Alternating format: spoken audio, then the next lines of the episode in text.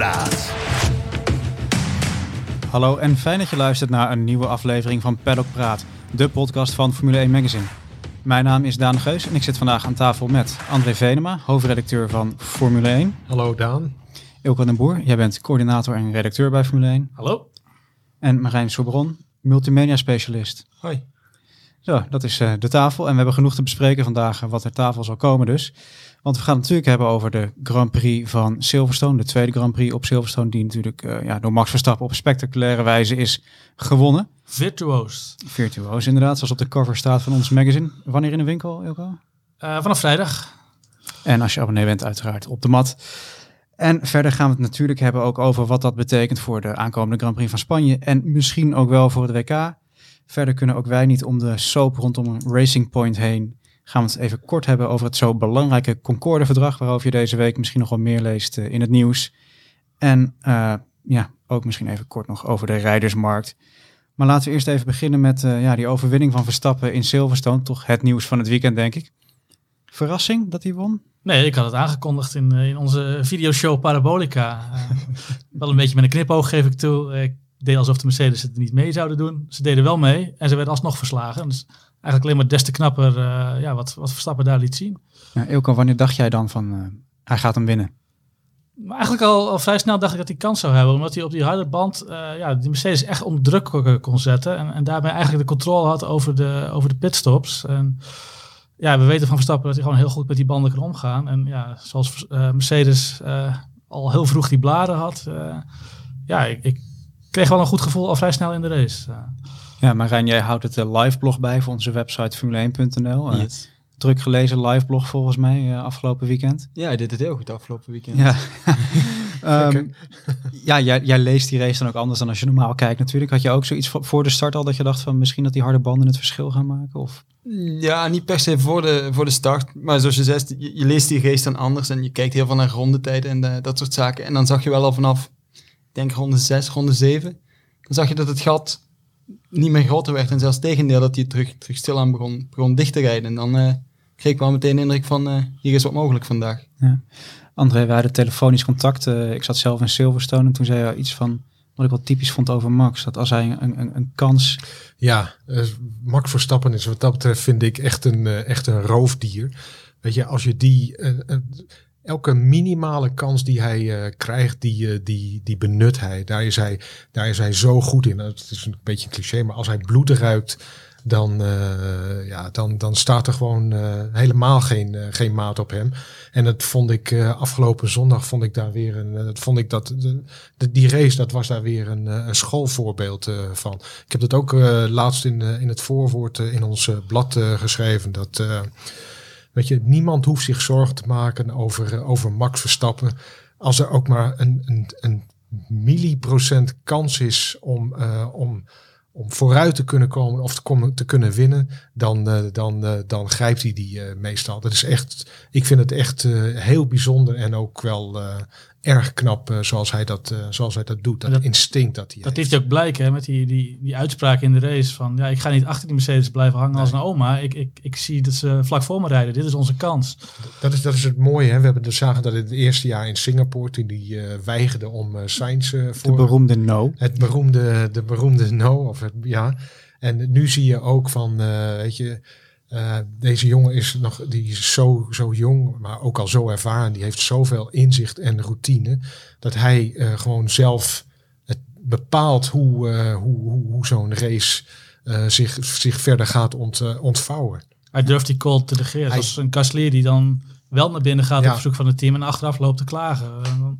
Ja, het is toch dat instinct wat jij net zei, dat, dat het verschil maakt. Ja, en dat heeft hij natuurlijk, uh, dat heeft hij natuurlijk van zijn, uh, van zijn vader uh, meegekregen. Die zei dat ook al naar, naar die beruchte no in, in, in Singapore. Dat hij, hij komt voor zichzelf op en hij weet donders goed wat hij moet doen in een race om, om, om zeg maar kansen voor hem te vergroten. Ja. Nou speelde zijn uh, vingerspitsengevoel, om het zo even te noemen, voor de banden natuurlijk ook een, een, een mee. De banden speelden sowieso een hoofdrol. Wie kan even kort en duidelijk uitleggen En ik zie de mannen al lachen. wat Iedereen- het nou was met de banden. En ja, toevallig heb ik eh, Zaterdag weer een gesprek met Isola. met Mario Isola een interview. En ik heb ook eh, de technische briefing van hem eh, meegeluisterd. Eh, Mhm. Voor de ja. duidelijkheid, Mario Isola is. de chef van Pirelli, ja, de motorsportchef daar, eh, altijd heel vriendelijk. eh legt altijd heel netjes uit wat er allemaal gebeurt. Maar om nou te zeggen dat ik alles, eh, alles begrijp, ga ik niet pretenderen. Ja, het komt erop neer. Ze hebben natuurlijk de, de, de zachtere banden gebruikt in, in Silverstone voor de tweede race. Zachter dan de, week, de week ervoor. Dat was vooraf al bepaald op verzoek van de FIA en FOM. Want ja, het, het zou het allemaal wat verlevendigen, de show. Eh, ja, na de eerste week zagen we lekker banden. Dus ja, die, die met de hardste band, eh notabene. Mhm. Dus ja, dat eh, was wel goed dat die in de tweede weekend niet meer gebruikt werden. Want ja, de risico's waren gewoon te groot. Eh Pirelli wil dan geen limieten opleggen van hoe lang zo'n op een band gereden moet worden. Eh, ook een beetje uit zelfbescherming, omdat hun limieten meestal niet kloppen. Eh, Ja, en dan luisteren de teams er niet naar. En dan gaat er iets lekker en dan wijzen ze alsnog naar Pirelli. ja, eh, precies. Eh, en, en eigenlijk komt iedereen weer op dezelfde strategie uit. En dat willen ze ook niet. eh, dat willen ze juist voorkomen. Dus ze willen juist die variatie hebben. Eh, dus ja, de zachtere banden, maar ja, de, de allerzachte was eigenlijk onbruikbaar. Daardoor hielden we maar twee opties over. Maar ja, daar werd toch nog eh, ja, een leuk spel eh, mee gespeeld. Een ouderwets bandenpoker weer. Gaan we dat komend weekend in Spanje, waar het ook heet wordt, weer zien? Daar worden wel weer de hardere banden gebruikt, eh, die iets meer op de ja, omstandigheden eh, afgestemd zijn. Maar ja, het wordt inderdaad wel warmer dan ze gewend zijn. Iedereen kent Barcelona heel goed. Het is het ideale testcircuit. Eh, van de winter ook weer heel veel rondjes gereden. Maar ja, dat is toch met 15 graden anders dan met 30 graden buiten. En, en asfalttemperatuur natuurlijk ook veel hoger is. Eh, Maar daar hebben ze Ja. natuurlijk wel met C1 tot en met C5 eh, de data kunnen verzamelen. ja, ze hebben wel heel veel data, dat klopt. Maar niet van die 30 graden. En, eh, dus Nee, het, want ja, het dat- zal interessant kunnen worden. Normaal gesproken is Barcelona natuurlijk de eerste, de eerste race op, op Europese bodem. Dat is meestal half Mei. half mei, half mei hè, nog voor Monaco. Monaco is meestal eh, eind mei. Ja. En dan, eh, dan zijn de temperaturen toch over het algemeen eh, iets anders dan, dan nu. Ze zijn, het, is, het is in die periode meestal heel aangenaam, maar bij 25 graden stopt het toch meestal wel. Ja, ja Dus- augustus is echt andere koek. Ja. Dus ik was zondag ook nog even eh, buiten in Silverstone. Althans, je mocht dan eh, niet, niet heel erg het mediacentrum uit, dus ik kon niet de circuit op. Maar ik moet zeggen, daar rondom dan voelde je toch wel dat er ook wel aardig wat wind stond. Het was ook niet enorm heet, moet ik zeggen. Ehm, op zich zou je denken dat het feit dat Red Bull dan in dit soort omstandigheden toch weet te winnen, is misschien ook wel in het algemeen hoopgevend. Eh, denken wij dat zij het lek boven hebben of willen we zover niet gaan? Nou, het lijkt me wat, wat voorbarig om meteen te zeggen dat dan alle problemen opgelost zijn. Wat ik dan opvallend vond, bijvoorbeeld, om even af te wijken, was wel een week voordien klaagt Red Bull dat de auto zo gevoelig is aan wind. Ja. Dan afgelopen weekend staat die wind zo strak op Silverstone en dan Ja. ja. lijken ze er helemaal geen last van te hebben. Dus Ja, wat jij ook zegt wat de waan van de dag betreft, natuurlijk de eerste race op Silverstone.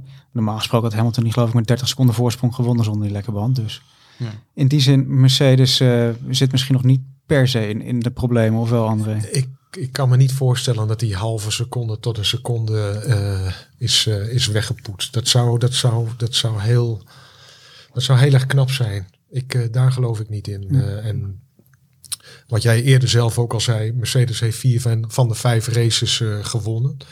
Redelijk, nou ik wil niet zeggen gemakkelijk, maar toch wel met, met enige marge. En één zwaluw maakt nog geen zomer om er maar eens een cliché uit te gooien. Dus ik denk dat, eh, ik denk dat Mercedes gewoon eh, de favoriet is en, eh, en, en ook blijft. Absoluut. Ja, Al zou het voor het kampioenschap natuurlijk geweldig zijn als we, als we gewoon echt een duel, een duel gaan krijgen tussen Verstappen en Hamilton en misschien, misschien ook Bottas. Ja, precies. Je ziet in ieder geval dat Red Bull stappen zet en dat ja, Verstappen zijn kansen grijpt als die er liggen. En ja, het geeft in ieder geval weer hoop. Ja, want over dat WK gesproken, 30 punten staat eh, Verstappen achter Hamilton nu. Titelkans hebben met een onbekend aantal races te gaan nog? Of?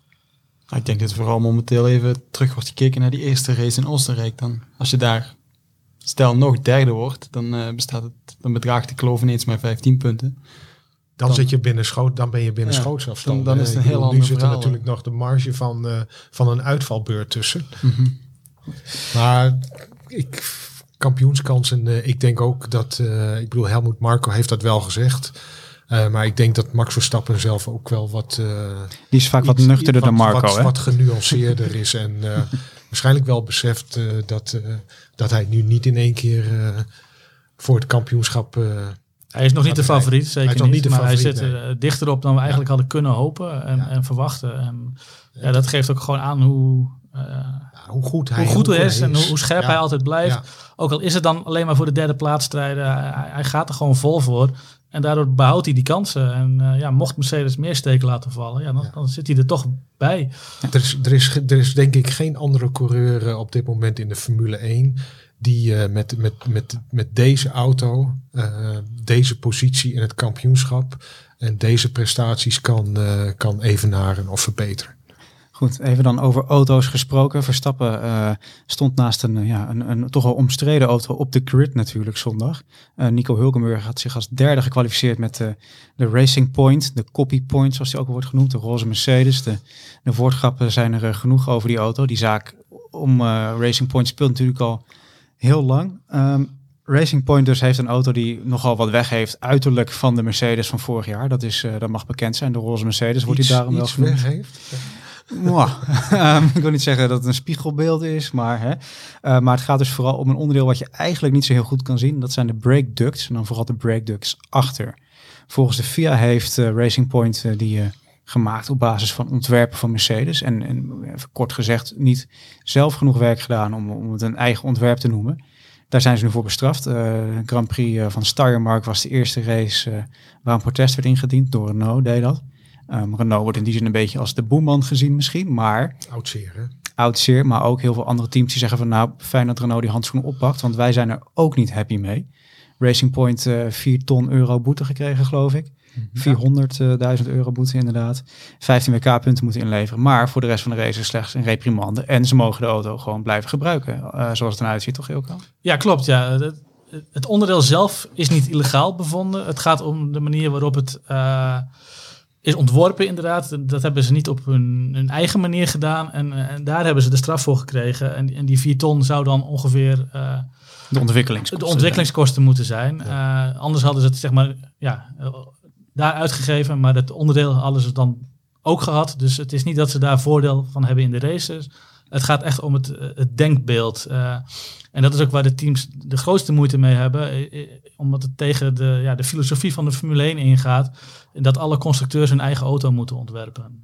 Het is ook meer een filosofische discussie geworden daarmee, toch? Eigenlijk is, is alles rondom Racing Point een beetje gebruikt om dat hele debat rondom klantenauto's, kloonauto's, hoe je ze ook wil noemen, eh, voor eens en voor altijd eh, te settelen, of niet? Ja, de teams willen duidelijkheid van wat mag nu wel, wat mag nu niet. Bijvoorbeeld Haas koopt heel veel onderdelen van Ferrari in. eh, ook van Dallara en verschillende onderdelen, maar doen dat wel zeg maar op zichzelf. Eh, ja, zij hebben dan ook geen beroepzaak aangetekend. Ja, daarmee zetten ze eigenlijk zelf- zichzelf ook een beetje in de, in de etalage. Ja, je krijgt nu ook al de discussie met, eh, of de discussie met, met Red Bull en eh Alfa Tauri. Hè. Daar ja, zeggen ze precies. Die houden van, zich er ook verstandig buiten. ja. Maar Ja. Marco die wel zei, als dit mag, dan gaan wij het ook doen. Precies, ja.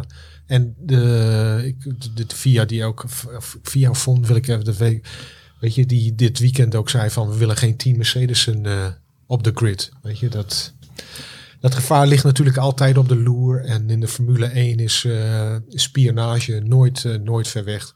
Alle teams eh, die houden elkaar in de gaten. Dus dat, ja, dat wordt nog heel interessant. En het wordt ook een, eh, een, een, een, thema dat zich eh, dit seizoen zal blijven voortslepen. Ik vond het erg opvallend vanuit het eh, mediacentrum in Silverstone kon je goed de paddock zien. En vooral het deel waar toevallig Renault en Racing Point stonden. Het viel me op dat die van Renault erg veel stonden te bellen buiten de hele tijd. Alain Prost, Cyril Abiteboul. Ehm, dit is een zaak die nog niet af is, hè Marijn? Er zijn ook meer teams geloof ik die nu gezegd hebben van we vinden die straf Racing Point te laag. Eh, ondertussen vier teams dan die de, zoals het dan heet, de intentie om in beroep te gaan Ja. hebben uitgesproken. Dat is dan Williams, Renault uiteraard, McLaren en Ferrari. Ehm, en dan aan de andere kant Racing Point wat ook in beroep gaat. Maar dan om omgekeerde redenen omdat zij de straf te, te hoog Ja. vinden. Ferrari misschien een beetje bij de hand gezien hun recente verleden dat ze een protest indienen of wel te begrijpen.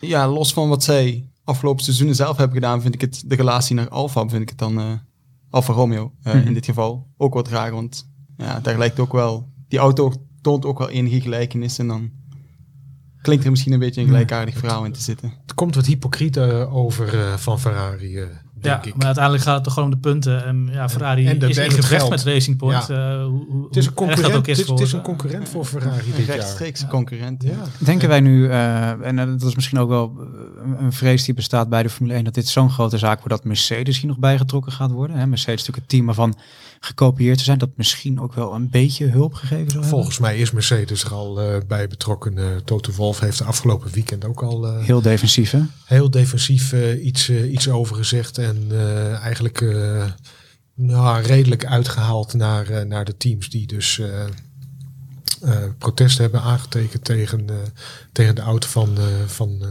Racing Point. Racing Point. Dus weet je, je krijgt, eh, je krijgt twee, eh, twee kampen. En ik weet niet eh, wat de rol van Mercedes nou precies is geweest.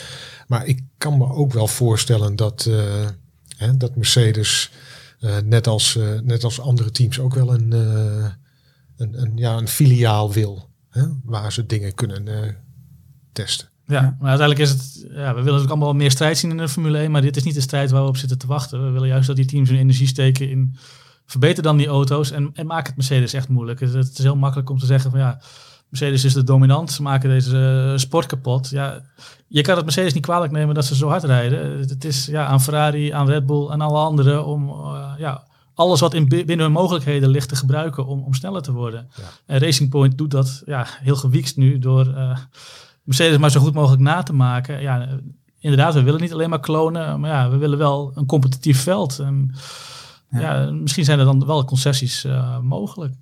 Van een, eh, een, een technische discussie met veel politieke dimensies dan eentje naar een politieke discussie met veel commerciële dimensies, namelijk het Concorde-verdrag.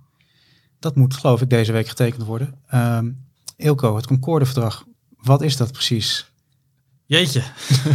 Dat is eigenlijk de, gewoon de commerciële overeenkomst tussen, eh, tussen de teams en, eh, André neemt de woorden uit André, mond. eigenlijk valt daar en de alles commerciële onder. rechtenhouder Eigenlijk- en de FIA. Ik, ik vraag het even voor de, voor de luisteraars thuis namelijk. Eigenlijk valt daar alles onder. hè? Uitbetalingen uit de sport, Ja. prijzen, geld, noem het maar op.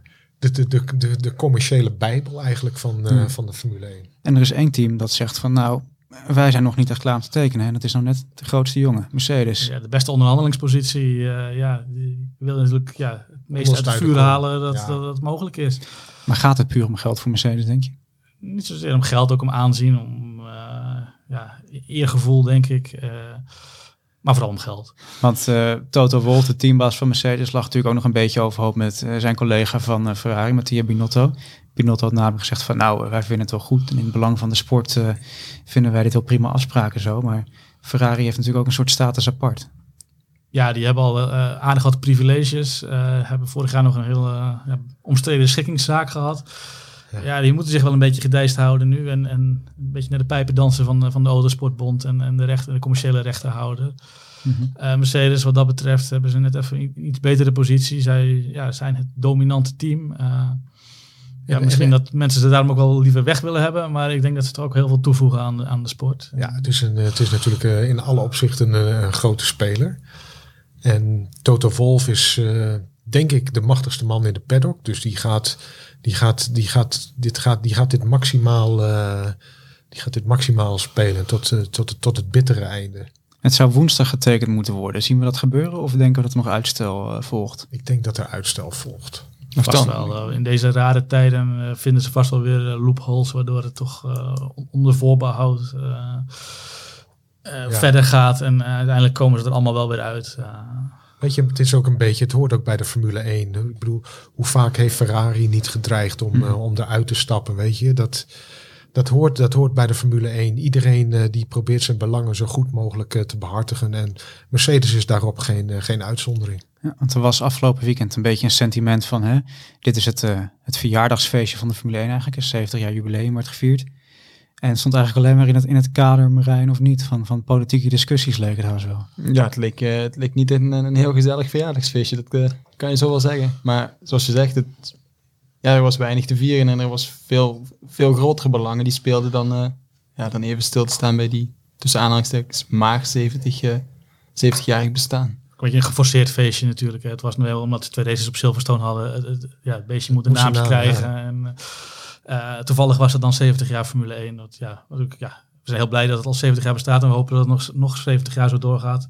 Met alle trammeland uh, die erbij hoort. En dat geeft ons ook weer stof om over te praten. En, uh, ja, die, uh, die, die, weet je, hoe zeggen die, die een, eensduidendheid, die is er in de Formule 1 natuurlijk, die is er, die is er niet.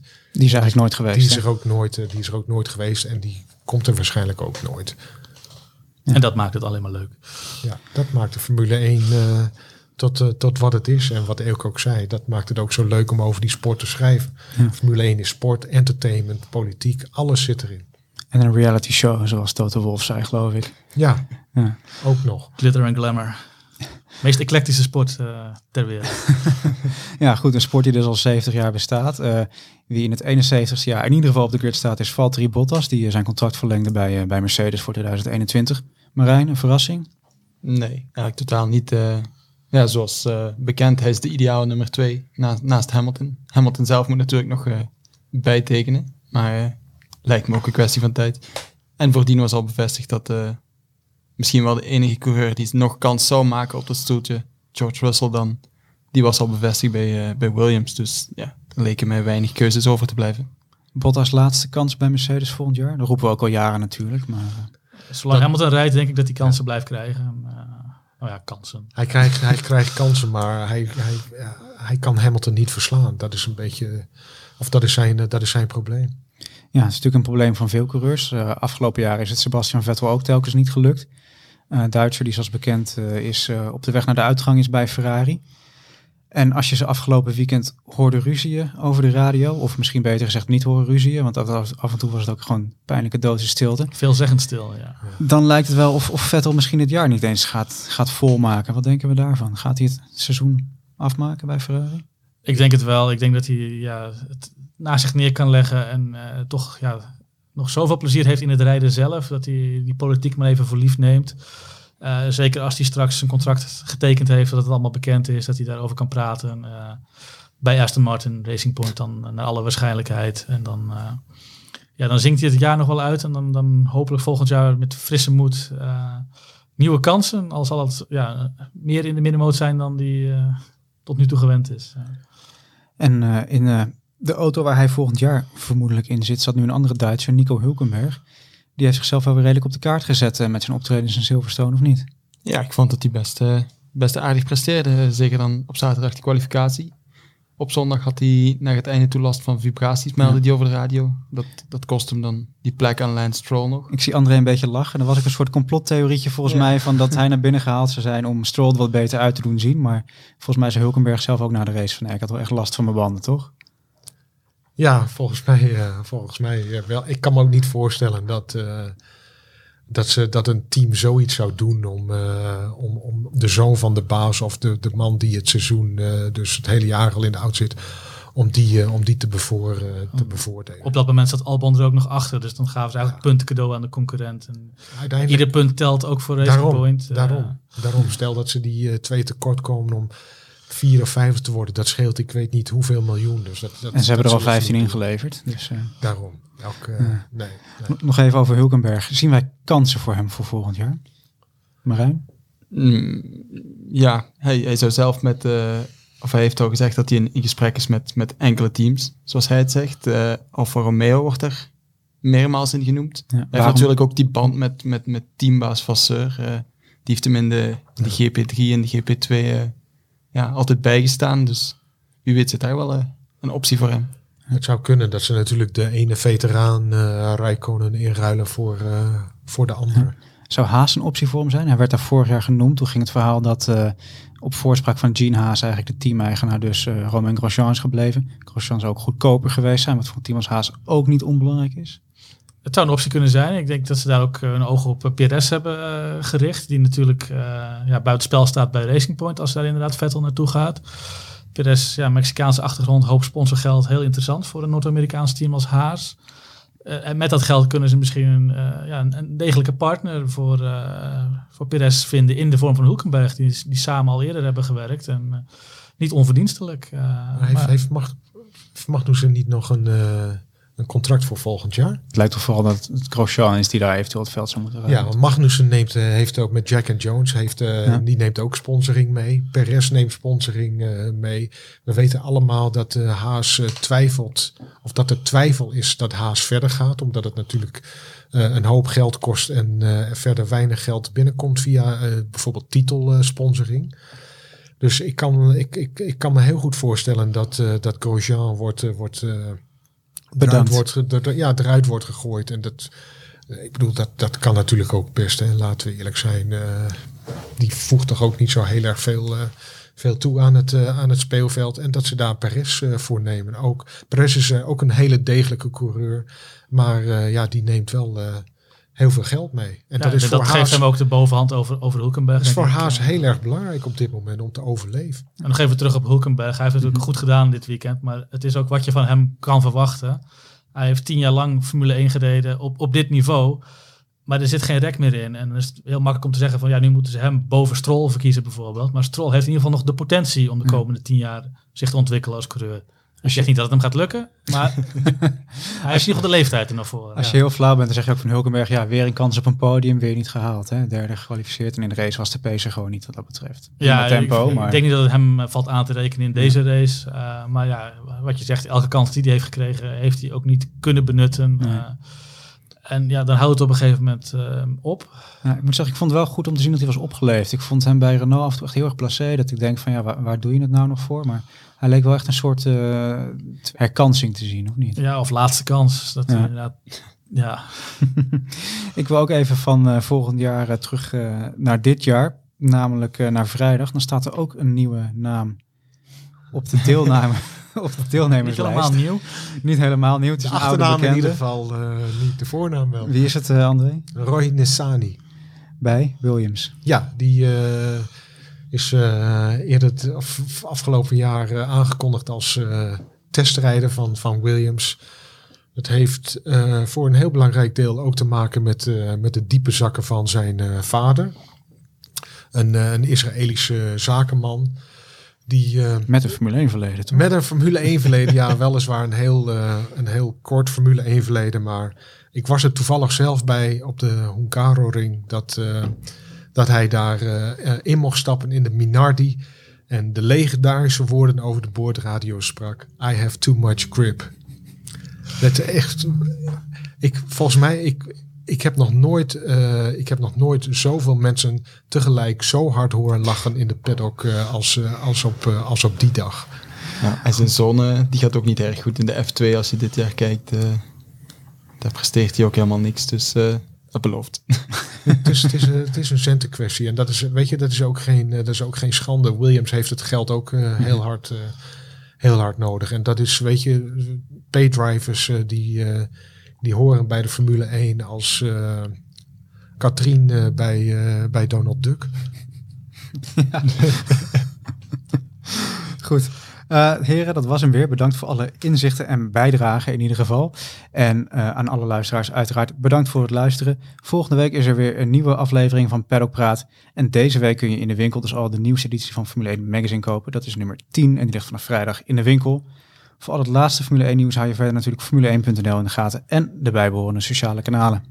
En mag ik nog één ding zeggen? We hebben in het eh, komende nummer ook een eh, heel leuk dubbel interview met, eh, met Robin Vrijns en Nick de Vries. eh, die het Formule E eh, seizoen in Berlijn afsluiten deze week. Waarvan akte. Deze podcast van Formule 1 Magazine is geproduceerd door Hassan El Maroudi van podcastservices.nl, Jonathan Leij en Almar Uilenbroek.